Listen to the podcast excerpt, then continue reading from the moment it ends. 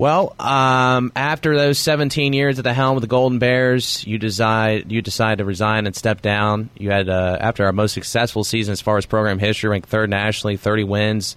Um, why was the why was it the time for you to step down as coach?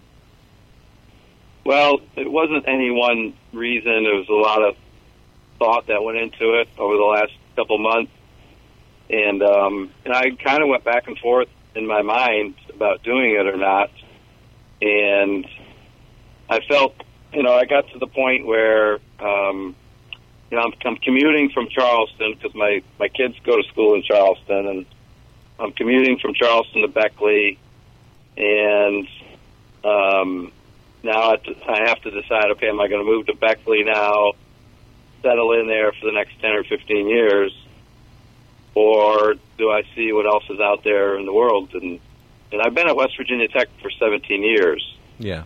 And, um, and it was a refreshing move to move to Beckley too, but at the same time, I still had been the head coach for 17 years in the same, at the same institution. And, and I was just kind of looking for something different, maybe, whether it's in basketball somewhere else or outside of basketball somewhere else. And the timing was right because my son's getting ready to go to Marshall and um, and play basketball there, and and uh, so it was a good time for me to, you know, freed me up to make a decision and figure out what I want to do.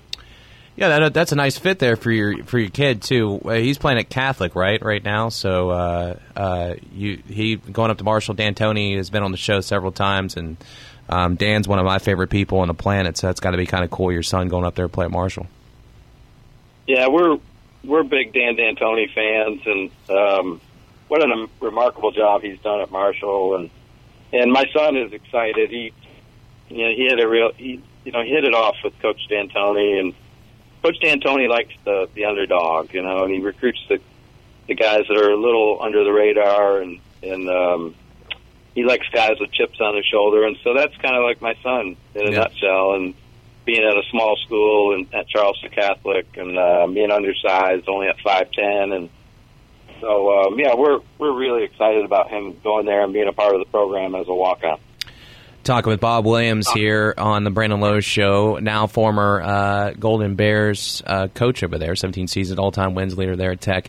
Uh, you came in. At, uh, what, what was the hardest part of of stepping down there at Tech? What was the hardest part for you to make that decision?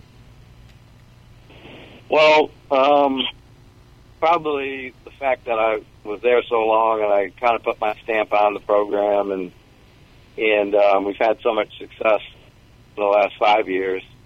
And it always wasn't easy there. You know, you, we had to build that thing. When I took when I got the job there in August of 2002, you know, I I wasn't able to bring any recruits with me, and I inherited a team that was finished, I think, in 12th or 13th place in the West Virginia Conference at the time, and so we've we've gone through a lot at Tech. You know, uh, four years we were in NCAA D2. My, I was there the last four years. They were in the West Virginia Conference, and West Virginia Tech was a charter member for 80 years in the West Virginia Conference, and they were kind of the founding fathers um, of the West Virginia Conference. And then we went back to the NAIA and um, and then um, we were um, in the Mid South Conference for five years or so, and then then we were independent for three years, and then NAID two, and then the River States, and then our campus moved. Yeah, top it all off. So it hasn't like young people might look at our program and say, "Wow, they've got an established good program." It wasn't easy to get that program to where we got it to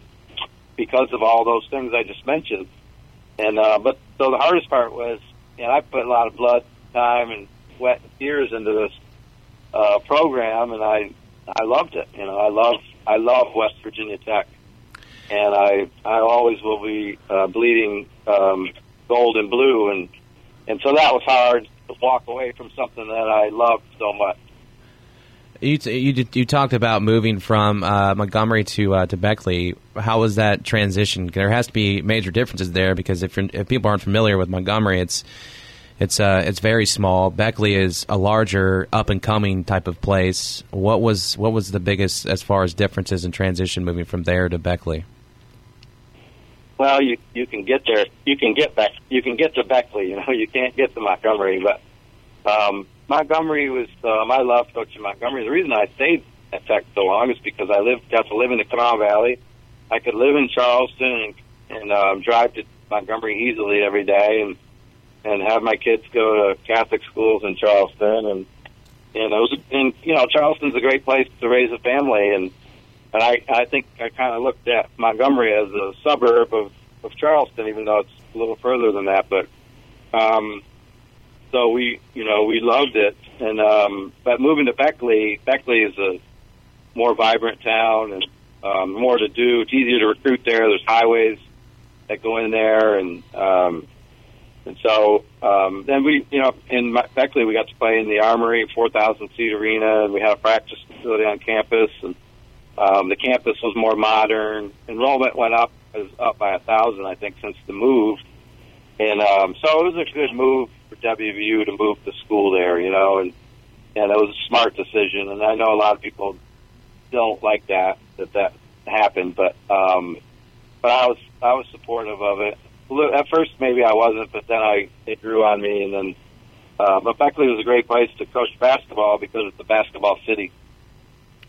Seniors on this year's team had to be a little shocked. Uh, obviously, a lot of your players and fans probably a little shocked when you decided to uh, to uh, step down. But um, with talking with them and your players, what has been your overall message to them? Well, um, you know, um, with the, the guys that are returning, you know, we're we're hopeful that all of them return, and we think all of them will. Um, I'm hoping that one of my former assistant coaches gets the job. You know, I've and I've recommended several of them that are in coaching, and um, so Tech can get a really good coach right now, and a and a younger guy, and um, and there's going to be a lot of outside people going after that job too because it's um, it's an intriguing job now that it's in Beckley. It's a better job because it's in Beckley, and it's um, it's a better job because you know we just won 30 games too, and um, but we we told the players to hang in there, and um, and uh, we're going to get you a good coach. And Kenny Howell, the athletic director, is is on it right now, and and a lot of people are interested, and um, so I'm I'm trying to help in my role as to retain the re- returning players and retain the recruiting class that we were able to sign. Got Bob Williams on the line, the uh, Tech all-time uh, wins leader there, seven-time Coach of the Year, stepping down with the Golden Bears and looking towards the future there with his family and possibly another uh, coaching a job or whatever in basketball. But uh, right now, you're kind of you're, you're taking it all in and and uh, you know looking back at all these years of coaching, you know, outside of your historic year you had this year, I'm going to challenge you to kind of go back in the memory bank and what was what was maybe one or two of your fondest memories as in your coaching career? Uh, career? In my coaching career overall, or just at Tech? Uh, you can go Tech or just overall. It's just uh, you know if there's something that jumps out to you, a memory or two. What, what would what would jump out to you in those many years? I've, I coached for 31 years, and I was fortunate to grow up in a basketball family. My father was a college coach in New York State. And I played for him and worked under him, and then I replaced him at Jefferson Community College in Watertown, New York, back in the 90s, and we were able to go to back-to-back um, Final Fours in junior college. We played in the 1997 national championship game. Um, got beat in a heartbreaker, and then I kind threw my name in around the country, and I got I was fortunate to get the Glenville State job. But every stop I've been at, at Potsdam State, I worked for a Hall of Fame coach named Jerry Welsh, and um, he won two national titles in Division Three. And my father's a New York State Hall of Fame coach, and, um, and my high school coach is from Watertown High School. Luke Hibling is also a New York State Hall of Fame coach. so I've been blessed to be around great basketball people. And then um, I had a great five years at Glenville State. What an amazing experience that was. When I, I was young and really learning how to coach. And the community is so supportive there of the school. And then uh, all my years at Tech, just um, you know, 2012 we won the Mid South Conference Championship. That was a special basketball team. 2011, 2012, and just had so many great kids and players. Had at least 10 All Americans, I'd say, at, at WVU Tech. And, um, um, you know, and then the last few, few years, then there were certain, there's certain um, teams that stand out because they overachieved. 2012, 2013, at WVU Tech, led by David Rawlinson, who was an All-American point guard. And then uh, that team really overachieved and with one basket from Kansas City. And then um, the, the year before last, that team overachieved. We've had four or five key injuries, and the team was still somehow based on character and, and hard work and great kids, and not not not extremely talented team. Won 20 games and went to the national tournament, and so those teams stand out more to me, and there's it's so um, gratifying to see a team overachieve because they're you have great teammates, they're coachable, great attitudes, work ethic, no problems, no issues, and then you see this team that shouldn't be winning 20 games win 20 games, you know, and that's just because of the culture of the program and the type of kids that we've had, and and as I've gotten older, we've we've really tried to target better character people, and we've gotten further ahead because of that you know, you, you talk about all those you, kind of your path there and all those those memories as uh, you come up in the coaching ranks. There's sort of a uh, uh, even though all the grind of traveling and everything, it's sort of a, an addictive type of job because the the grind itself, recruiting, going after kids, picking up little pieces here and there from other coaches, that grind has to be probably uh, what you know makes guys stay in this business. I mean, not, it's not cut out for everybody, but um, with speaking with coaches, it's kind of a you know you want to you want to keep building yourself and getting more experience. It's kind of that grind that kind of makes uh, coaching kind of fun. Yeah, I mean you got to enjoy being around young people, and that was one of the things I've always said is I I love being on working on a college campus. Being around young people helps you keeps yourself younger, feeling anyways, you know, and um, and then just being around young people and watching them grow into young adults and um, getting better on the basketball court. Player development was always yeah big for me. Is we always took a guy that was under the radar and got him better just through player development and hard work on the court, fundamentals and repetition on the floor and practice. And and then you got at this level you got to enjoy travel as far as recruiting. And our conference, the River State Conference that we play in encompasses what about four or five states. So we're in Indiana and Cincinnati and and um, Pittsburgh and Kentucky, and we're we got games in the Central Time Zone, so you can't mind the travel. And I didn't, I never did mind the travel, and um, never did mind the recruiting.